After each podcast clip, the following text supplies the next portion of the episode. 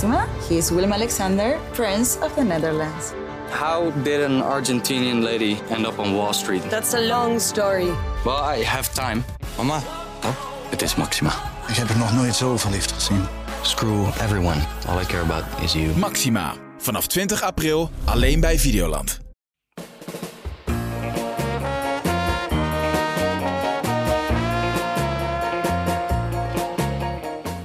Fijn dat je luistert naar Zij Zegt, een podcast van het AD. Mijn naam is Debbie Gerritsen en ik neem iedere vrijdagmiddag in deze podcast de week met je door. Samen met mijn AD-collega Anoushka Lakerveld bespreek ik het belangrijkste nieuws. En deze week schrijft ook een hele leuke gast bij ons aan, namelijk Linda Duits. Linda is sociaal wetenschapper en columnist ehm, en heeft eh, ja, over heel veel dingen een hele leuke mening. We gaan haar zo horen. Maar first things first, Anoushka, heb je iets lekkers in de koelkast staan? Ik heb net een eh, hele goede fles wijn eh, klaargezet, de Gruner Veltliner. Oh. Ik heb voor jou een alcoholvrij biertje. Oh, gelukkig. Ja, want ik zit natuurlijk nog in mijn alcoholvrije periode. Nou, fijn. Het trekt me open, zou ik zeggen. Laten we beginnen.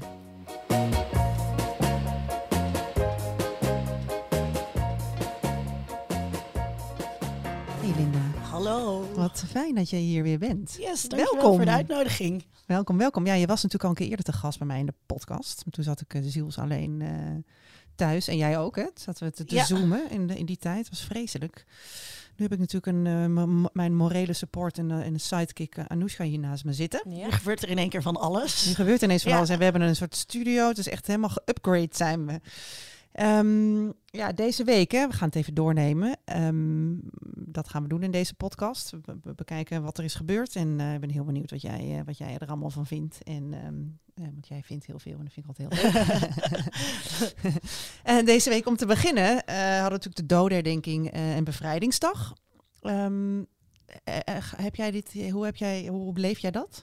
Ik kijk altijd naar de dodenherdenking. Ja? Dus ik eh, zet altijd de tv aan op de, en dan kijk ik naar de Dam. En ik vind het elk jaar toch wel weer een mooi moment. Ik ben altijd toch weer verbaasd hoezeer het me emotioneel raakt. Oh ja. En ik vond dit jaar, ja, je kunt eigenlijk niet anders dan toch ook denken over eh, oorlog in Oekraïne Ja. op het Europees continent. Eh, een, een buitenlandse agressor die aanvalt. Hè. We hebben natuurlijk eerder wel Joegoslavië gehad in de jaren negentig. En dit voelt toch echt anders. Ehm, dus dat, het, het komt wel binnen of zo. Ja. ja. En we hadden het net even over coronabezinning. Dat we dat misten. Daar moest ik dus ook aan denken. Ja, dus daar, ja, zat ja. Ik, daar zat ik ook bij. Van ja, even stilstaan bij de heftige zaken die Ja. in het leven gebeuren. De mensen die je verliest. Ehm, Dat voel ik altijd wel met dodenherdenking. Dus het gaat voor mij over veel meer ook dan alleen maar de Tweede Ja. Wereldoorlog. Is er iemand, eh, eh, heb jij iemand in je nabij, eh, nabij het verloren deze, dit jaar? Of is, is dat eh, aan de hand geweest? Ehm, ja, maar niet door corona. Nee. Maar ik heb wel pas geleden is er, is er een vriend van me overleden. Oh. Die wel al wat ouder was. En ik heb niet zo heel veel ja, doden in mijn omgeving, zeg maar. Do- Daar was ik ook erg door geraakt. Ja, snap ik. Begrijpelijk. Ja. ja En dan ma- maak je, hè, dus dan is er een uitvaart en je creëert momenten om daarbij stil te staan. En misschien zouden we dat dus ook moeten doen voor de coronacrisis. Ja, En- dat we iets meer een soort, een soort moment hebben dat we daar echt eens even op gaan focussen. Ja, een soort nationale herdenkingsdag. Ja, Ehm, ik zou ook niet zo goed weten hoor hoe dat vorm zou moeten krijgen. Maar ik zou daar wel behoefte aan ja, hebben. ja, nou ja, dat snap ik wel. Want we zijn gewoon toch maar een soort van doorgegaan. Hè? We zijn twee jaar lang hebben we onze adem ingehouden. We zijn een soort, ja, we hebben eh, binnen gezeten Ja. en hop, we gingen door. Geploeterd, schouders eronder. Schouders Ja. eronder. Ik, het is net alsof ik mijn moeder hoor. Hup, schouders eronder, niet Ja, zeuren en nu gaan met die Schaffendas. banaan. Ja, Ja. ja. Schaffendas. En nu vervolgens zitten we in, van de regen in de drup in een, in een, eh, ja, in een crisis. eh, een oliecrisis, een gascrisis, een oorlog. Ja. Er is geen moment geweest waarop we even hebben kunnen ontspannen. Ja, Het was was echt ook niet binnen een een paar soort van dagen. bevrijdings, een, een bevrijdingsfeest of zo komen, dat we hier misschien van af zijn? Zou je dat willen? Nou, daar had ik toen het, eerste jaar, weet je nog lang geleden, eh, het eerste jaar van corona, toen had ik daar echt nog hoop op of zo. Van oké, het gaat nou ja, misschien dan zes weken duren, acht weken en dan hebben we bevrijdingsdag Ja. en dat komt dan op bevrijdingsdag. Ehm, ik denk, voor mij zou zo'n bevrijdingsdag niet hoeven in de zin dat ik eh, dat heel erg vier als ik uitga. En ik ben ook heel veel aan het uitgaan Ja. eh, eh, op de Oh, dansvloer. lekker. Ja, precies. Dat ik heb we daar allemaal... nog helemaal geen zin in. Misschien Nee? ik een keer met je mee. Ja, ja, ga een keer mee, want dat helpt dus wel ehm, daarin. Maar het is eerder die bezinning dus Ja. die ik, die Ja. ik eh, Ja. mis. En dat juist dat even stilstaan. Dus het vieren van de vrijheid, denk ik dat we dat allemaal hartstikke gretig aangegrepen hebben. Als je in de trein zit, dan zie je mensen bijna genieten dat ze geen mondkapje op hoeven. Ja, ja. Dus die, die, die vrijheden mm, die, die we hadden, denk ik dat we die weer heel erg terug hebben gepakt. Mhm. Ehm, maar juist het herdenken van wat er is gebeurd, daar stil bij staan, dat is denk ik belangrijk. Ja. Voel jij dat ook zo, Anoushka? Ja, nou, het stilstaan is natuurlijk altijd heel belangrijk, hè? Zeker eh, eh, met de dodenherdenking deze week. Maar wat jij zegt, inderdaad, dat stukje bezinning, dat eh, ervaar ik ook wel zo. Ik merk heel erg dat er nu, ik, ik zit heel erg in een soort van eh, continue flow van leuke dingen doen. En ik heb nog geen één keer beseft van, goh, weet je, wat is er eigenlijk allemaal gebeurd? Ja. En ehm, ik hoop dat dat besef binnenkort wel komt, want ik heb dat wel even nodig. Ja, ja. ja, dat hebben veel mensen. Ik, heb het, eh, ik merk het heel erg om me heen hoor. Mensen zijn echt moe en staan op hun laatste, echt op hun, op hun laatste benen. Of hoe noem je dat? Op je laatste benen, op je achterste benen. Nou ja, op, je tandvlees. Ja. Lekker Ja. alles door elkaar heen. Huppatee. maar eh, ja, goed. eh, aan de andere kant, we hebben onze vrijheid terug. Ehm, over vrijheid gesproken. ehm, deze week was er nog iets anders eh, gezien, de vrijheden, namelijk de persvrijheid. Eh, ja, er kwam een rapport naar buiten over de persvrijheid. En eh, nou, dat was niet vrij, want we zijn weer gezakt op de ranglijst. Anoushka, heb jij daar de feitjes over? Ja, we hebben dus altijd in de top 10 gestaan. We zijn nu gedaald van de zesde naar de 28ste plek. En er zijn zelfs afgelopen jaar 272 meldingen gekomen van geweld en intimidatie tegenover eh, mensen die in de pers werken. Dus dat zijn vrij hoge cijfers. Ja.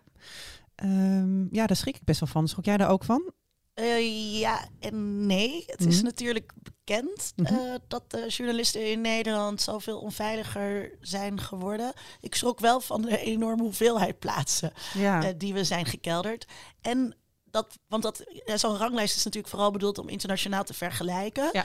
En eh, eh, dat betekent dus ook dat het hier echt wel erger is. Dus Ja. ik had ook gedacht, want we kennen natuurlijk ook in andere landen heb je mm, eh, eh, complottheorieën, heb je eh, anti-corona demonstraties gehad. Dat Ja. is niet voorbehouden aan Nederland.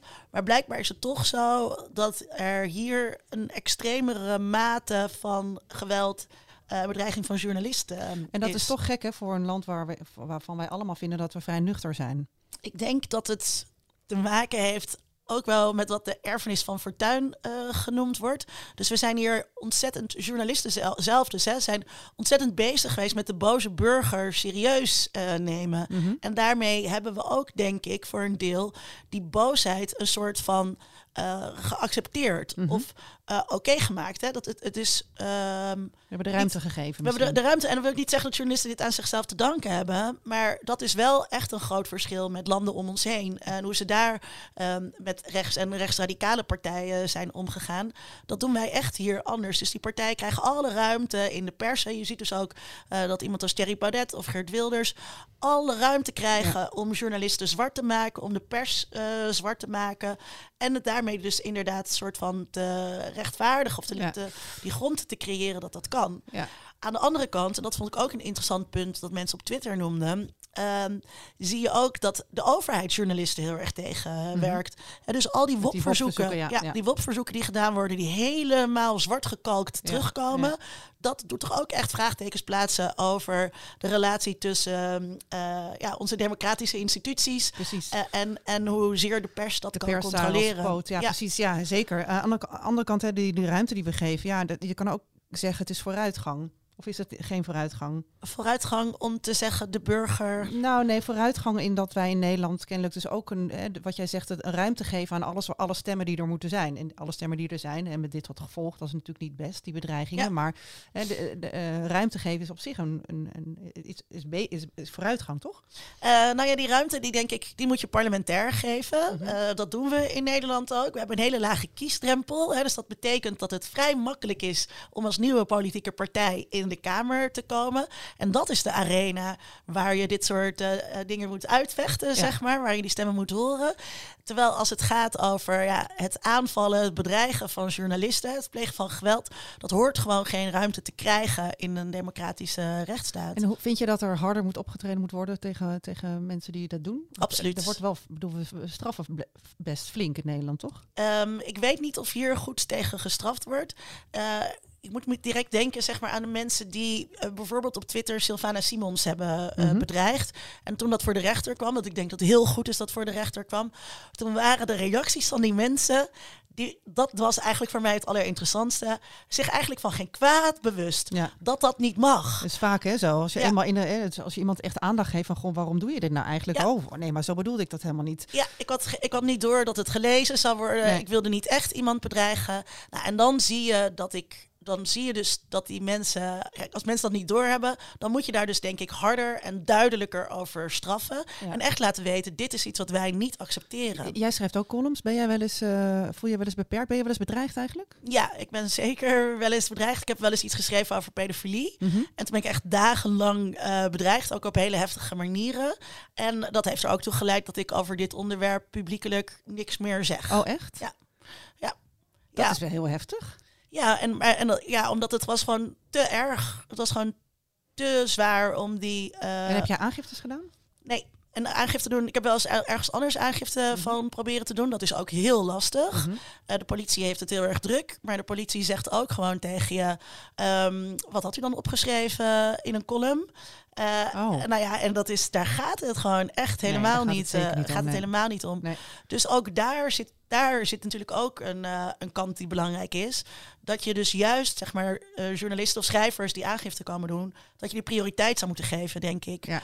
Het probleem is denk ik ook dat het vak journalistiek eh, ook een beetje verwaterd is, omdat iedereen zichzelf journalist noemt. Ehm, eh, en dus het, het, mag ook wel wat meer ehm, aanzien misschien weer krijgen. Of, of denk, jij, denk jij, zie je dat anders? Ehm, nou, ik weet niet. Meer respect voor, voor krijgen? Ik, ik denk dat meer respect. Ik denk eh, dat het belangrijk zou zijn dat er eh, een beter begrip zou moeten komen voor wat journalistiek doet. Mhm. Ehm, en eh, dat, dat is natuurlijk heel ingewikkeld. Ja. Eh, eh, ehm, maar als het gaat bijvoorbeeld over het controleren van de macht, dat is een belangrijke taak Ja. van de journalistiek. En het lijkt nu alsof mensen denken dat de journalistiek vaak het doorgeefluik is Ja, eh, van ja. de macht. En dat is gewoon helemaal eh, niet zo. Dus ehm, ja, dat, dat vind ik lastig, want dan kom je dus al snel weer, moeten we dat op school gaan onderwijzen. Hè? Van hoe krijg je dat voor elkaar? Maar nou, doe eens een, doe eens een schot. nou ja, kijk, het, het zou toch echt wel. Het, het begint natuurlijk met voorbeelden. Dus dat, ik zou willen dat onze politici zich hier heel nadrukkelijk over uitspreken. En dat, je kan niet en keihard staan voor de persvrijheid. En vervolgens eh, de pers tegenwerken. Wat we natuurlijk hebben gezien. Met die Ehm, WOP-bezoeken. Ik moet wel zeggen dat de laatste, laatste maanden wel een, een harder geluid klinkt, ook vanuit de Kamer, eh, om de journalistiek te beschermen. Maar inderdaad, de WOP-verzoeken zijn natuurlijk echt schandalig. Dus Hè? ik denk, ja, daar, daar begint het. Dat zijn toch eh, met de bestuurders van ons land, die zouden daar het goede voorbeeld eh, in moeten geven. En ik denk dat het heel belangrijk is dat er op scholen aandacht is eh, voor wat wel mediawijsheid wordt genoemd. Dat is er ook wel veel hoor. Eh, over hoe herken je bronnen, eh, wat doet de journalistiek. Ehm, dat, zou, dat zit, dat, ja, daar is aandacht voor. Eh, maar het is ook ingewikkeld. Ja, Ja. De samenleving is gewoon heel erg verdeeld. Ja. Ja. Nou, dat is het. En, en, en bronnen, dus mediabronnen zijn ook overal. Dat was intussen natuurlijk ook heel anders dan toen wij eh, nog hele kleine meisjes waren en op school zaten. Waar, was er geen Twitter, geen Instagram, geen Facebook. Dus toen was Ja. het vrij helder wat de journalisten deden. Nu eh, zijn er natuurlijk verschillende eh, platforms waar iedereen zich kan, kan laten horen. En Ja, iedereen kan maakt een talkshow beginnen op YouTube. Als je kijkt naar een, een programma als Café Werksmeld, ja, wat echt een soort eh, eh, alternatieve, eh, een alternatief wil zijn op bestaande pers. Wat aan de ene kant volgens journalistieke codes ehm, lijkt te werken, maar aan de andere kant ook weer niet. En dat is best wel ingewikkeld hoor, om dat te herkennen als kijker. Zeker als je sowieso vooral alles via YouTube kijkt. ja. Hè, hoe zie je nou het verschil tussen zo'n soort talkshow en een talkshow op televisie? En de NOS. En de NOS. Ja. Ja. nou goed, hetzelfde heb ik eh, laatst ook al geschreven. Eh, he- heb ik, krijg ik dat gevoel bij alle Juice-kanalen. Ik bedoel, hè, ze, eh, die, ge- die geven ook maar alles door. En Ja. eh, zijn, eh, schuilen zich achter, ja, wij zijn niet journalistiek. Dus we hoeven ons ook niet eh, aan die Ja. eh, wetten te houden. Maar in, ja, in principe doen ze hetzelfde. En tegelijkertijd is het natuurlijk ook zo. eh, ik heb ook wel eens kritiek op de NOS. Ja, En, en ehm, dat, mag, ook- dat mag ook, hè? Ja, precies. En we leren dus ook, eh, we leren jonge mensen kritisch kijken eh, naar de media. En wat je ziet bij eh, veel mensen die zich afkeren van de media, is het eh, eerder een soort doorgeschoten eh, kritiek. ehm, of eenzijdig kritisch kijken of selectief kritisch kijken, eh, waar ze zich op beroepen. Hè. Dus Ja. het is niet dat ze dat helemaal afwijzen, eh, maar daar meer een soort van selectief in shoppen. En dat maakt het nog weer ingewikkelder. Ja, en ander, ja, dus we zouden veel meer naar een soort duurzamer mediaconsumptiemodel moeten gaan. Dus ook vanuit onszelf. Dus ook vanuit de media zelf. Dus wat minder eh, alles de wereld in gooien en wat, eh, wat duidelijker zijn in wat we, wat we brengen. Nou, ik denk dat het heel belangrijk is. Dat is ook zo bij, bij wetenschap. Daar is natuurlijk ook veel wantrouwen tegen. Dat je heel duidelijk laat zien welke procedures er gebruikt worden. Dus wat is dan het verschil in de werkwijze tussen een journalist eh, van de Café Wertsmelt en een journalist van, de NR, van, van NOS of van NRC? En hoe pakken zij eh, dat aan? Ja. Hoe gaan zij met bronnen om? Hoe wegen ze dat? Dus ik denk dat het heel belangrijk is om dat proces inzichtelijk te maken van hoe komen we tot kennis, hoe komen we tot wat we weten. Eh, en dat je dat laat zien en dat je dan zegt, kijk, hier worden eh, keuzes gemaakt, dit wordt overwogen, terwijl eh, die andere partij, die doet dat niet en die Ja. volgt gewoon al zijn eigen mening daarin. Ja. Nou, helder. Volgens, mij, vol- volgens mij heb je een goed punt. Eh, Even iets heel anders, een ander nieuwsfeitje deze week. Ehm, de jurk van Kim Kardashian. ja, we moeten toch even erin ook gooien. hoor. Ja, belangrijk. is ook belangrijk. Moeten we ook even over hebben. Want jezus, die jurk. Eh Anoushka, hoe, hoe zat dat ook alweer met die Ja, jurk? het was sowieso echt een prachtige jurk. hè. Laten we daar even over eh, mee beginnen. Maar het is een jurk met 2500 kristallen. En eh, Kim Kardashian heeft die jurk dus geleend van het Ripley's Believe It or Not Museum. Daar is die ooit aan verkocht voor 5 miljoen euro. En eh, het is die jurk die Marilyn Monroe droeg tijdens dit historische moment in 1962. Happy birthday to you. Happy birthday to you. Happy birthday, Mr. President. Happy birthday. Het ook wel even warm van. Hè? Super sexy. Echt, hè? Ja, Is er ooit wel eens zo voor jou gezongen, Linda? niet zo. Nee. Zou je het willen? Ja, ja, ja, ja, ik krijg hier wel rode koontjes van. De, eh, die jurk, heb, je, heb jij het überhaupt gevolgd, die hele Met Gala? Want eh, ze, ja, ze- een, Kim Kardashian droeg de jurk op het, eh, de bekende Met Gala in New York. Daar moet je heel veel geld voor betalen Ja. om überhaupt naar binnen te Ja, komen. wat sowieso een major fashion moment is altijd. ik, ik ja. moet zeggen, ik heb er wel, ik, het zat wel smullen. Ik heb er kijken wel naar uit. ja, ik ben dus helemaal niet met mode bezig, maar ik vind dit dus dan wel altijd leuk om, Ja. eh, eh, om dit te horen. En je, je- ontkwam hier niet aan. Nee. Ehm, Het is Ja, all over. ja. Maar goed, en, en mode, ja, het is ook amper nog mode. Ik bedoel, ja, het is eigenlijk een soort verkleedshow. Ja, het is wel mode. Ik bedoel, maar ja, er, zijn, er komen hele kunstwerken komen aan. Ik, ja, ik vind het echt fantastisch. ja, ja. Ja. Ja, dus er, en er worden statements gemaakt ook. Mhm. Dus ik weet niet, het was volgens Ja, mij een paar zeker, jaar ja. geleden Billy Porter, eh, bekend van de serie Pose. eh, die had toen een soort smoking jurk waar iedereen het over had. En dat, is, dat, dat doet wel iets, zeg maar. Dus dat, heeft, dat is echt wel betekenisvol. En wat voor boodschap je daarmee de wereld uitstuurt. hè. Dus er wordt over die dingen gepraat. Het wordt gekoppeld aan maatschappelijke kwesties die op dat moment spelen. Dus het is zeker niet frivol of zo. Nee, nee, nee. En dat ik bedoel, het is een, het, echt het allerbeste moment om je statement te maken. Ik bedoel, er staan daar nou, honderden camera's. Het enige wat die mensen doen is volgens mij de, de trap oplopen en that's Ja, it. ja. En, eh, en heel... Ja, wat dat en- met Gala nou zelf inhoudt, weet ik weet niemand. Nee. nee, maar het is wel het is, het is georganiseerd door Anna Wintour, toch? Ja, van Vogue, de, de oud-hoofdredacteur van Vogue. Je weet wel met die grote bril op. Die, ehm, die organiseert dit. Dus ehm, ja, ik, ik zou wel een keer heen willen. Ik, elke keer als ik er naar kijk, denk ik ja. Krijg je dan niet mega stress? Wat nee, aan? lijkt me fantastisch om een keer in zo'n jurk. Ja, het lijkt me geweldig. Jij? Ja, ik draag dus nooit jurken. Dus sowieso, als ik een jurk aan heb, dan voelt het wel heel erg als een, eh, als een verkleedpartij. En ik krijg daar dus dan meteen een soort stress van. Maar dat heb ik al als ik naar het boekenbal kijk. Dat ik denk, oh mijn god, wat zou ik dan aantrekken?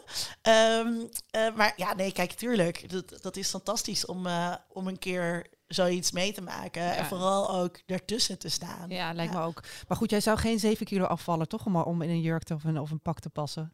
Zou je het doen? Ehm, nou, 7 kilo is gewoon wel heel erg veel. Ja, Kijk, Want, ja, dat heeft Kim Kardashian dus gedaan. hè? Om in die jurk eh, van Marilyn Monroe helemaal te passen, moest ze binnen no time heel veel kilo's afvallen. Nou, daar kwam best wel veel kritiek op ehm, van haar fans, want die vonden haar eigenlijk, vonden ze eigenlijk jammer. Maar ook van bladen als Teen Vogue, die jonge meiden tijdschrift, eh, groot Amerikaanse platform, die roept ja. Eh, dit moet niet het voorbeeld zijn voor, eh, voor jonge vrouwen. Ja. Ehm, hoe kijk jij daarna? Is dat, nou, heeft ze nou een slecht voorbeeld gegeven? Of zijn we ook een beetje ehm, van een mug een olifant aan het maken? Nee, het is echt absoluut een slecht voorbeeld. En daarbij spelen denk ik verschillende dingen. Ehm, het is Kim Kardashian. En Kim Kardashian heeft juist heel veel gedaan eh, om een ander schoonheidsbeeld tot ideaal te maken, zeg maar. En dus dat een meer divers schoonheidsbeeld. Hè? Dus het is niet zeg maar eh, dat het ultraslanke weg is, maar ze heeft er wel echt iets anders naast geplaatst. Ja. En ehm, eh, Maar vind jij dat, vind je dat, want haar schoonheidsideaal lijkt me ook niet gezond. Oh nee, dat is, het, dat is het zeker niet. Maar het is in ieder geval dat er iets naast staat. Hè? Ja. Dat het al diverser ehm, Ja. eh, is gemaakt. Eh, dus dat was winst. Dus, ik, dus in die zin is het een soort van... ehm, eh, ja, bijna verraad, zeg maar, aan die daad. Of je die daad nou politiek of weet ik Ja. veel wat wil noemen. Want even voor de luisteraars, hè, we hadden vroeger het, het Rubens-model. Dat was Ja. heel lang geleden. Toen vervolgens kwamen daar de hele afgetrainde supermodellen in de jaren Ja. negentig. Vervolgd door Kate Moss, die het heroin chic ehm, introduceerde. En dat is eigenlijk, nou ja, wat het al zegt, gewoon zo mager mogelijk. Daar zijn Nothing tastes as good as skinny feels. Ja. In de uitspraak van haar. Ja, nou ja, eh, ik ben een beetje in die periode eh, heb ik daarnaar gekeken. Dus eh, ja, er waren heel veel meiden die echt s- fel over been eh, naar dat schoonheidsideaal keken. En toen kwam daar Kim Kardashian, die daar tegenover hele brede heupen, volle boezem, maar wel een enorm dunne wespentaille zette. Wat ook niet gezond is. En laten we wel wezen, want die billen, ik weet het niet, maar of dat helemaal natuurlijk erin eh, zit. Maar Moet je eh, ook hard voor trainen. ja, eh, nou, om- ik train, ik doe mijn best hoor, Ja. maar ik, dus, ook binnen krijg ik echt niet. Nee, Nee. nee. kijk, dus, dus in die zin, het zijn, alle, het zijn, alle, het zijn allemaal onhaalbare schoonheidsidealen. Waarbij onhaalbaar betekent dat dat niet voor iedereen weggelegd ehm, is. Laten we ook niet vergeten trouwens dat Marilyn Monroe eh, ook al zelf een heel ander lichaam had. Hè? Eh, zij was helemaal niet zo skinny. Nee. Eh, als je die oude foto's terugkijkt, denk je, oké, zo Ja. had ik maar in die tijd geleefd. Er zat heel duidelijk een beetje een buikje, Ja. volle borst. Het was allemaal niet zo heel mager. Laat ook zien dat zo'n schoonheidsideaal steeds verandert door de jaren heen. Maar ja, het belangrijkste is dus dat het is niet voor iedereen haalbaar. En wat Kim Kardashian nu heeft gedaan, is iets wat ook gewoon heel erg ongezond is. Kijk, en ehm, ik zou nooit tegen iemand zeggen dat ze niet mogen afvallen. Hè? Dat, ehm, eh, eh, Moet dat- iedereen zelf weten. dat moet, Ja. dat moet iedereen zelf weten. Hè? Je moet, je moet eh, eh, proberen zo comfortabel mogelijk met je lichaam te zijn. En soms voor sommige mensen betekent dat een paar kilo erbij. En soms voor sommige mensen betekent dat een paar kilo eraf. Maar wat je ook doet, hè, zorg dat je dat op een gezonde manier doet. En zo'n crash dieet, ja, dat is gewoon heel erg slecht. Ja. En 7 kilo in drie weken, nou ja, als ik dat tegen mijn trainer zou zeggen, dan, eh, Dan is het gewoon. dan zou hij me opsluiten en Ja, zes keer per dag drie weken niet eten, lijkt mij. Ja, ja. En- nee, en, het, en ik denk ook, hè, zij is natuurlijk zo'n voorbeeld. Die, al die Kardashians, want dat, haar zusje eh eh, Jendal heeft natuurlijk, dat zij is die met die, of Kendall? Kendall Jenner. Ja, Kendall? Nee, ja, heet ze zo? Ja. Ja. Zij is met die lippen, toch? Ja. Toen heeft ook iedereen, eh, ging aan de lipfillers.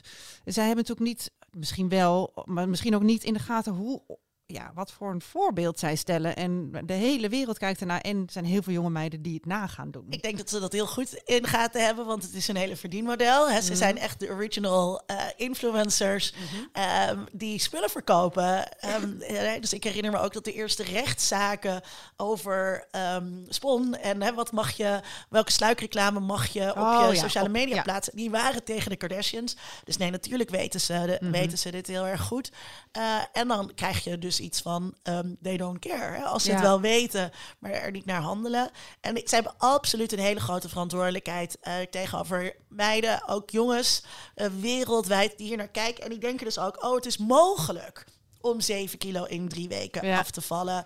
Hè, dus, eh, en dat, dus dat doen vind ik ook kwalijk. Maar dus ook nog eens een keertje eh, de suggestie die daarvan uitgaat dat het überhaupt kan. Mhm. Ehm, hè, dus dat je het zou willen, je zou het al niet moeten willen. Eh, maar het is ook bijkans onmogelijk om zoiets te doen. Maar ik denk En wel... Kim zegt daar dus ook eh, niks over. Hè? Dus Nee. dat is vaak ook wat je hoort eh, over ehm, eh, dit, soort, dit soort processen. Dus of er wordt over gelogen. eh, dus het is een verkapte reclame voor een afvalproduct dat ze zelf helemaal niet gebruikt hebben. Maar je hoort niet hè, wat zij allemaal niet gegeten ehm, heeft. Nee, nee, en wat, voor, wat ze daarvoor heeft op moeten opgeven. En ook wat de gezondheidsrisico's hiervan zijn. Ja. En, en vergeet ook niet, crashdiëten werken niet. Dus dat betekent ook dat het er heel snel weer aan zit als je weer normaal gaat Nee, eten. en ik bedoel, dit hele lichaam, deze hele lichaamsvorm is gewoon niet gezond. D- laat, dat weten we en laten we dat vooropstellen. Maar eh, en, dat, en dat, dat die verantwoordelijkheid nemen voor, hè, voor, voor je gedrag. ehm, het is eigenlijk een mooi bruggetje naar het volgende onderwerp wat ik met jou wil bespreken. Want eh, eh, deze week ehm, is er een bizarre, en dat is volgens mij, wat mij betreft, het meest bizarre nieuws van de week. Ehm, eh, stonden alle celebrities lekker in die Met Gala, op die Met Gala's, eh, in de jurken en, en, de, en de Kardashians was het topic. Ze stonden lekker te shinen, maar er was iets veel groters aan de hand. Waar ook, eh, ja, waar, waar- waarvan ook werd gezegd, eh celebrities spreek je uit. Namelijk de abortuswet in Amerika. Ehm, ja, deze, zij heeft zich daar ook niet over uitgesproken. Eh, weinig eh, celebrities hebben zich daarover uitgesproken. Maar goed, eh, allereerst even, wat, wat was er precies aan de hand, Anoushka? Ja, het waren dus, er ontstonden op een gegeven moment dus heel veel demonstraties. Het is ooit in de jaren zeventig is dat begonnen met de uitspraak Roe versus Wade. Het Hof heeft toen geoordeeld dat er in de grondwet dus is vastgelegd ehm, eh, dat je dus recht op abortus hebt. Eh, maar deze week heeft een nieuw hoge rechtshof dus in Amerika bepaald dat dat weer teruggedraaid moet worden. En dat betekent nu dus dat abortus na zes weken weer verboden is. Ja, en dat nieuws dat sloeg wel echt in als een bom. I am angry because of who will pay the price for this.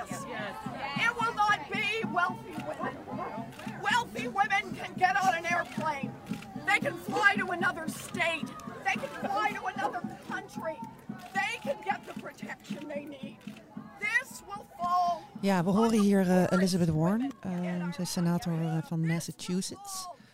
Heel erg aangeslagen. Ja, Hoe heb jij hiernaar gekeken? ja, ik moet bijna huilen als ik dit eh, hoor. Ja. Ik er ook niet heel geëmotioneerd door. Ehm, eh, het is... ehm, dat die celebrities zich niet uitspreken komt omdat dit een issue is dat Amerika ontzettend verdeelt. En die celebrities spreken zich niet uit omdat zij hun fans niet willen verliezen door eh, zo'n statement te maken. Dus dat is ontzettend laf.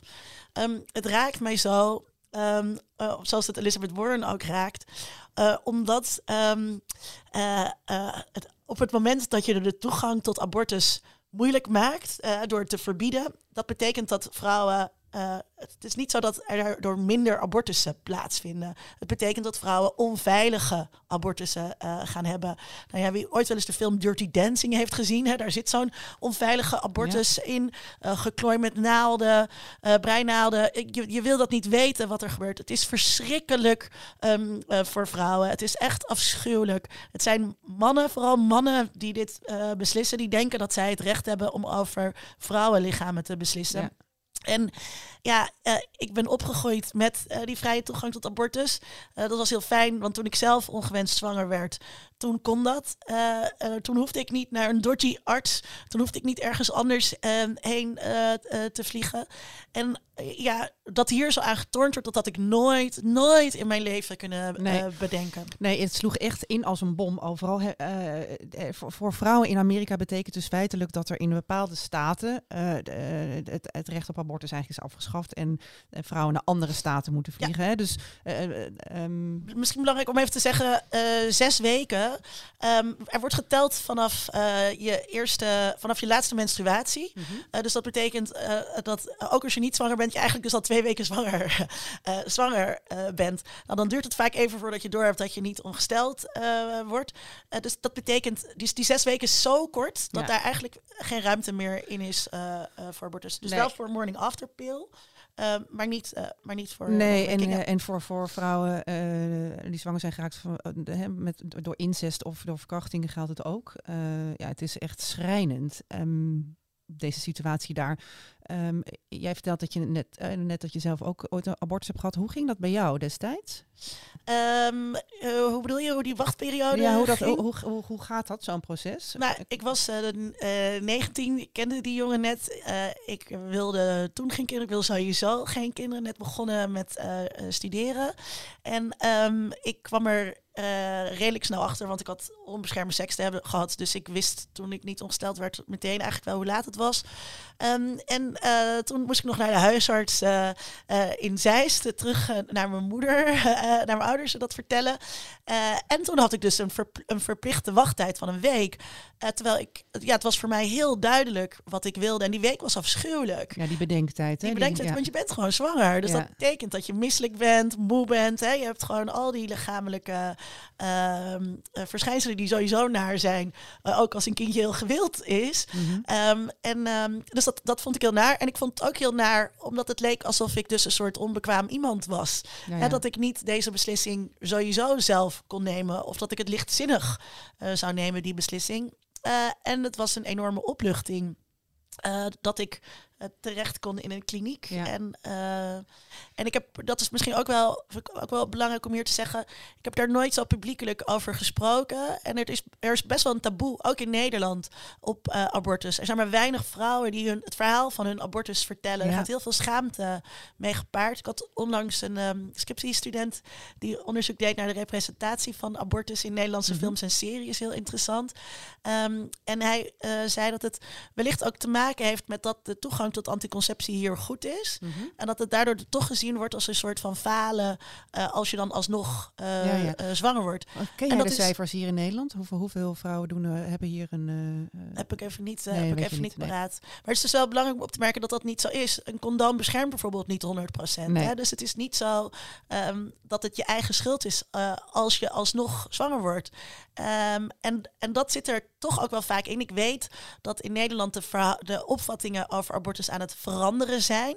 Er zijn veel jonge vrouwen nu die het veel minder vanzelfsprekend en belangrijk vinden dan wat je hoort in de stem van Elizabeth Warren. Hè? eh, hoe, hoe het haar raakt. Dat komt misschien ook omdat we denken dat dat recht eh, of die toegang dat die veilig eh, is. En misschien toch ook wel een idee van dat het je eigen schuld is. En dat Ja. je dan maar op die blaren moet zitten. Maar dat is toch wel een beetje het Calvinistische denken van ons allemaal, toch? Ja. En, het, en de verantwoordelijkheid ligt bij een vrouw. En ja, het is ook vroeger tegen mij gezegd van, joh, ja, pas op, want anders eh, moet jij op de blaren zitten. Ja, Wat terwijl- feitelijk ook zo is. Want, en dat is ook zo, jij moet op de blaren zitten. Maar je wilt dat een vrouw en een kind niet aandoen als een Nee. soort straf. Dat er een kind ter wereld moet komen eh, dat, dat ongewenst is. Hè. Daar, daarmee creëer je een enorme bron van eh, ellende.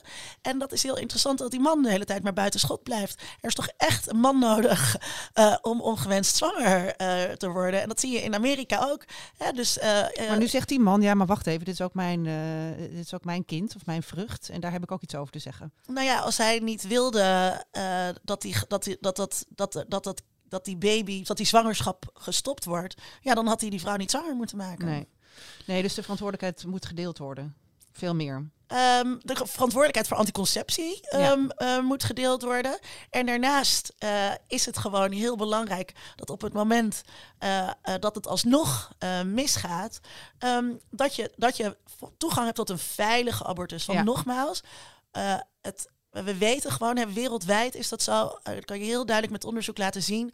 Op het moment dat er geen toegang tot veilige abortus is, is het niet zo dat er minder abortussen gepleegd worden. Dus het is echt gewoon, het brengt vrouwen in gevaar. Ehm, en nu is in Nederland, eh, hebben we gelukkig een, een andere wet. Hè. We zitten niet in Amerika. Eh, sterker nog, onlangs is die, hè, dus die vijf dagen bedenktijd waar jij zo, eh zoveel last van hebt gehad, is geschrapt. Kamerlid Corine Ellemeet heeft daar heel erg voor, zich heel erg voor ingezet. De abortuspil is beschikbaar. Dus bij ons is er wel wat vooruitgang. Hè? Er is vooruitgang, maar er is ook achteruitgang. Eh, er zit een partij in de coalitie die bidt tegen eh, abortus. Er wordt heel veel gedemonstreerd bij abortusklinieken, eh, waarbij het dus vrouwen moeilijk wordt gemaakt om toegang te krijgen tot die kliniek. Kan je trouwens zelf mee helpen, dus kan je aanmelden als eh, buddy bij de bovengrondse, om vrouwen daarbij te geleiden. Ehm, eh, en voor de ChristenUnie is dit een heel belangrijk punt. Zij zijn ontzettend tegen Ja. abortus en zij willen dit beperken. Ook bij Forum voor Democratie bijvoorbeeld eh, zie je anti-abortus opvattingen. Die nemen toe. Ja. Eh, en eh, dat is echt iets om je zorgen over te maken. En het is dus niet een soort van, oeh, die gekke Amerikanen, een ver van ons bedshow. Ook hier nemen deze opvattingen toe. En Ja, is dat recht zo? Want dat is eigenlijk een beetje mijn volgende vraag. Van ja, wat hebben we zien het in Amerika? En het- ik vind het verschrikkelijk. Volgens mij zijn we daar zeker over eens. Maar wat gaat het nou? Wat heeft dat nou voor ons? wat heeft dat? welke invloed heeft dat op ons en op onze, op, ons, op onze wet en onze rechten en onze welzijn? Nou ja, dus eh, die opvattingen nemen toe. Eh, ook onder eh, niet-politiek geëngageerde jongeren zie je dat dus verschuiven. Is er minder acceptatie ehm, hiervan. En dat betekent dat wij hier heel erg waakzaam moeten zijn. Dat Ja. we echt eh, ehm, niet, kunnen, niet kunnen rusten. Een van de dingen die bijvoorbeeld... eh, hoe je dat bijvoorbeeld merkt, zeg maar, die invloed van die christelijke partijen, is in de informatievoorziening. Dus eh, op het moment dat jij googelt op eh, ongewenst zwanger, dan krijg je dus een stichting als eerste die het ongeboren kind wil beschermen. Nou, dat klinkt dan dat klinkt helemaal niet, niet heel heftig. Maar dan kom je dus bij een anti-abortusorganisatie Ja, uit. Die worden, gezien, ja. Ja. die worden gefinancierd door christelijke partijen, ehm, eh, eh, door allerlei christelijke organisaties. En die hebben gewoon heel erg veel geld. Ja. Ah, Daarnaast is er ook een organisatie eh, die neutraal is in de voorlichting die ze geven. Eh, Dus die bieden je alle opties. En bij die andere organisatie word je dus richting adoptie bijvoorbeeld gepraat. Nou, die organisatie die neutraal is, die vanuit de overheid eh, eh, komt, ja, die heeft veel, veel minder middelen. Die heeft veel minder geld. Dus dat betekent dat je minder hoog in de Google-resultaten terechtkomt. Dat je minder goed postercampagnes eh, door het land heen kan, eh, eh, kan financieren. Ehm, dus dat heeft een heel directe invloed, zeg maar. Die ongelijkheid die daar is, in Ja. is, heeft een heel directe invloed op de keuzes eh, die vrouwen nu maken. Ja, dus informatievoorziening is één ding. Wat ik een ander ook best een belangrijk ding vind, is dat abortus, bizar genoeg, nog, al- nog altijd in het wetboek van strafrecht staat. Ja. Dus hè, volgens de wet moet een vrouw eh, in een, een noodsituatie verkeren. Dat, zijn, dat is bij ons een heel, ja, dat wordt enorm gedoog, want nood- noodsituatie, hè, het is- in principe kan het altijd. Maar goed, eh, het, het is dus ook volgens de wet strafbaar. Eh, en volgens mij is daar, ligt daar, schuilt daar een enorm gevaar. Hè? Want Ja. eh, stel dat er wel ineens een Thierry Baudet bij ons op het pluche komt te zitten, dan, Ja. ehm, dan, zitten we, en zitten we in een hele andere situatie, misschien wel Amerikaanse situatie. Moet je toch echt niet. Dan, moeten moet we toch echt niet aan denken, nee. nee. Nee. Het is echt verschrikkelijk. Dus daarom raakt het me ook zo hoe Elizabeth Warren daarin staat. Ik zou graag heel veel mensen in Nederland zich op deze manier ook, ook horen uitspreken. En dus ook eh, meer verhalen horen eh, van Want vrouwen. wordt dat genoeg gedaan, vind jij? Want Nee, ik kijk, eh, nee. de usual suspects zie ik ook wel op Twitter en op Instagram voorbij komen. Hè? waarvan ik denk, ja, ja, ja, als jij het zou zeggen, natuurlijk. Ja. Saskia Noord, natuurlijk. Stella Bergman, natuurlijk. Maar eh, dus eh, heel weinig echte grote Ja. ja. sterren waarvan je denkt, of bekende mensen waarvan je denkt, nou, oh, Ja. zo had ik niet verwacht. Ik ehm, eh, liet eh, mijn studenten, toen ik nog genderstudies gaf, eh, keken zij altijd een documentaire over Dolomina. Oh ja. Eind jaren 60, begin jaren 70. Eh, en daarin zitten een aantal vrouwen die dus vertellen over hoe de situatie was toen er nog geen toegang tot veilige abortus was. En ehm, dus misschien is het ook een goed idee om die vrouwen, want die, die zijn er eh, voor een deel eh, nog, om hen weer eens te laten vertellen Mhm. hoe dat was. Want eh, een van die vrouwen zegt dan, ja, er was altijd wel een vriendinnetje die ehm, eh, zwanger was geworden. En dan moest je weer ergens een arts opduiken. En dan gingen ze aan de slag met kruidenmengsels en dat Oh ja. soort dingen. En die enorme stress en ellende die dat toen gaf. die vrouwen kunnen dat heel goed, die oude feministen kunnen dat heel goed vertellen. Dus ik denk dat dat goed zou zijn als we hun ook weer eens zouden horen. En echt inderdaad ook. ehm, ja, zoals die Amerikaanse influencers zich niet uitspreken. Zo is dat hier natuurlijk ook. Hè? Ja. Want je wil gewoon geen klanten en geen fans eh, verliezen met een issue dat mensen verdeelt. Maar ja, als je ergens voor staat, eh, zeker als vrouw, dan moet het toch wel zijn Nou, voor het recht tot veilige toegang. Ja, me dunkt. Ja, zeker. Ja, heb jij zelf nog iets eh, deze week gezien of meegemaakt waarvan je denkt, oeh, dan moet ik eventjes eh, Nou ja, we hadden, wel het, even we hadden natuurlijk eh, die Johan Derksen naslepen, die is heel groot. Dat wil ik verder niet heel erg oprakelen. Maar ik gaf een lezing eh, over consent eh, bij een eh, studentenvereniging. Oh. En eh, dat was heel, ja, dat was, dat was heel interessant. Eh gemengde studentenvereniging. Bij mijn lezing waren alleen maar meisjes. Oh ja? En eh, toen, eh, hij, toen het klaar was, dus het was in de, in de barruimte, zeg maar. Toen het klaar was, toen stroomden de jongens eh, binnen. En ehm, ja, daar vond, daar vond ik wel wat dingen nou, van. vind ik ook wel wat dingen Ja, vinden. want dat maakt hè, dat nog steeds, zeg maar, het, eh, eh, de verantwoordelijkheid voor eh, de deugdzaamheid, zeg maar, dat die nog steeds bij die meiden en vrouwen ligt. En ik weet niet wat het was, of het schaamte was van die jongens, dat ze misschien niet aangesproken willen worden als mogelijke daders. Maar ja, dit is toch echt een onderwerp dat ons allemaal Zo. aangaat. Ja, heel jammer. Ja, Heb je het ja, ik vind het echt jammer. Want nou, ik bedoel, nou juist ligt het bij allebei. Ik bedoel, we moeten het gewoon, eh, dat, het grijze gebied, Ja. eh, dat moet gewoon echt besproken worden. Eh, en zeker waar mannen en vrouwen bij zijn. Ja. Was nou juist zo interessant geweest om ze allebei in de, allebei in de zaal te hebben. Heb je het daarna gevraagd in de bar? Van waarom waren jullie er niet? Nee, want toen gingen ze meteen allerlei joelende studentenverenigingen dingen, eh, Oh, dingen doen, die jongens. Ehm, en, eh, maar ik heb het wel aan die, aan die meiden gevraagd van waarom denken jullie dat er geen, eh, geen jongens zijn? Nou, die dachten toch ook inderdaad schaamte en ongemak. En uiteindelijk was het ook alweer zo dat ehm, omdat er geen jongens waren, wij best wel op een soort veilige manier eh, met elkaar een heel interessant gesprek konden hebben. Eh, bijvoorbeeld over dat het soms ehm, eh, dat je soms minder kwetsbaar bent als je dingen maar laat gebeuren, dan wanneer je aangeeft wat je grenzen zijn en wat je, Mhm. wat je wel en niet wil. Dat vond ik ook heel interessant. Nou, daar konden we heel open over praten. En dat was misschien toch ook anders geweest als die jongens er waren. Dus zei ik, ja, moeten we het dan misschien apart met jongens en meiden doen? Maar ja, dan krijg je, krijg je dat ook weer. Ehm, dus het laat ook zien ehm, dat, we, dat we helemaal niet heel ver zijn als het gaat over betere seks of fijnere seks of prettigere eh, seks. Ja, dus niet alleen wordt de vrouw verantwoordelijk gemaakt voor anticonceptie, maar ook nog eens een keer verantwoordelijk gemaakt voor het uitblijven van seksueel geweld. Nog steeds. Had Ja. je maar niet zo'n kort rokje aan moeten trekken. Precies. Jij moet, jij moet naar weerbaarheidstraining en jij moet naar een consentlezing. En die jongens die hoeven niks. Nee, dus de grenzen, grenzen aangeven ligt nog altijd bij vrouwen. Ja, kom op mannen. Ja, come on, hé. Wanneer ga je weer een lezing geven? Want dan gaan we nu oproepen, alle mannen. Mannen moeten daarheen. Ik, ga morgen, sta ik, dus dat is 6 mei, dus ik weet niet wanneer het uitkomt, maar dan eh, praat ik op het eh, Expeditie Next Wetenschapsfestival in Franeker met kinderen over verliefdheid Oh, en wat goed. relaties. Ja. Oh, wat goed. Nou, dan gaan we allemaal met een bus naar Franeker. Sowieso, sowieso is in, in Friesland alles leuker. ja, dat hoop ik. Ja, nou. Hey Linda, super bedankt voor dit gesprek. Ehm, Jij bedankt. Dit was de week. En op naar volgende week. Anouska, ben je er dan ook weer? Ik ben er ook weer. Ik neem eh, eh, wijn mee weer voor de vrijdagmiddagborrel. Heerlijk. En eh, nieuwe nieuwsfeitjes. Leuk dat je luisterde naar Zij Zegt. Wil je nou nog meer van mij horen of lezen? En dat wil jij? Ga dan naar ad.nl slash zijzegt en abonneer je op mijn nieuwsbrief.